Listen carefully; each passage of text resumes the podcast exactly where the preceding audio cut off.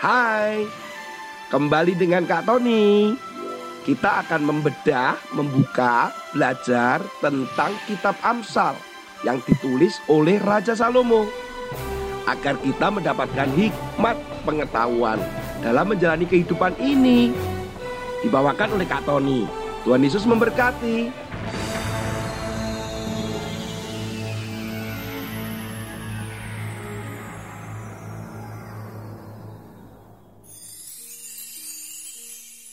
Halo anak-anak, ketemu dengan Kak Tony lagi dan siap mendengarkan firman Tuhan dan saat ini Kak Tony akan menceritakan seorang yang aneh dan unik. Ngomong-ngomong sebelum cerita tentang orang ini, Kak Tony mau tanya dengan kalian, apakah kalian punya hobi? Ya, pasti kalian punya hobi kan?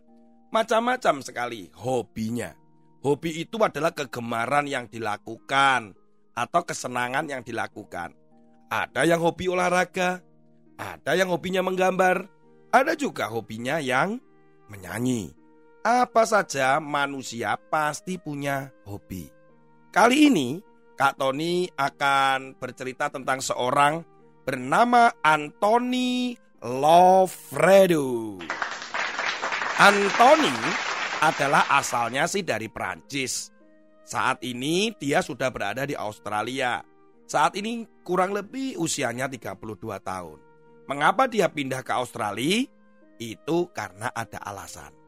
Anthony ini memiliki kegemaran atau hobi yang tidak umum atau tidak sewajarnya. Apa tuh Kak Tony hobinya? Hobinya si Pak Anthony ini ternyata adalah memodifikasi tubuhnya. Artinya dia suka mengganti, mengubah, menambah apa yang ada pada tubuhnya. Nah, ini kan hobi yang tidak wajar kan? Hobi yang tidak normal. Karena tubuhnya dilakukan modifikasi, perubahan dari tato tubuh dan tato wajah Bahkan lidah yang terbelah. Jadi lidahnya itu terbelah loh anak-anak ya. Terus kemudian juga menambahkan sesuatu di dalam tubuhnya atau kulitnya. Dan bayangkan ini yang juga mengerikan. Masa telinganya dipotong? Bayangkan telinganya dipotong, daun telinganya itu. Kemudian juga dia pasang tindik atau uh, seperti logam begitu di dalam wajahnya, tubuhnya. Dan bibirnya itu dihilangkan atau bibirnya juga diangkat begitu. Ini modelnya kok aneh sekali sih Pak Antoni ini. Nah ternyata Pak Antoni ini sangat mengagumi alien gitu. Apa itu alien? Alien itu adalah dianggap atau dipercaya sebagai makhluk asing luar angkasa jadi Pak Antoni ini percaya bahwa dia ini ingin seperti alien begitu. Nah, sehingga tidak heran Pak Antoni ini disebut sebagai alien hitam. Ya, karena di Prancis tidak menerima keadaan atau kondisi si apa Antoni yang aneh ini, akhirnya dia memutuskan pindah ke Australia pada usia 24 tahun. Ketika dia diwawancara oleh salah satu televisi, dia mengatakan bahwa rencana ke depan dia masih akan terus memodifikasi tubuhnya. Ya dia nggak puas dengan tubuhnya ini, dia ingin terus mengubah agar sama seperti si alien. Dia berpikir bagaimana menghilangkan hidungnya katanya. Waduh, Kemudian dia juga berencana mengganti kulit dengan logam. Aduh, ini kok hobi kok aneh-aneh sekali macam-macam sih. Anak-anak kalau kalian punya hobi atau kesenangan jangan seperti Pak Antoni. Ya, jadi milikilah hobi yang membangun, berguna begitu. Karena firman Tuhan katakan di dalam Amsal pasal 10 ayat 23, Berlaku cemar adalah kegemaran orang bebal sebagaimana melakukan hikmat bagi orang pandai.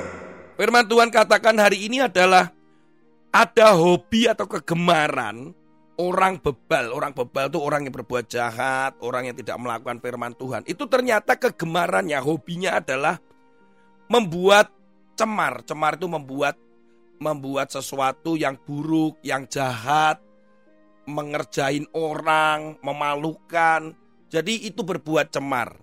Mempermalukan orang lain, mempermalukan Tuhan. Jadi itu perbuatan cemar. Itu hobi. Jadi ada juga punya hobi mencoret-coret tembok gitu ya.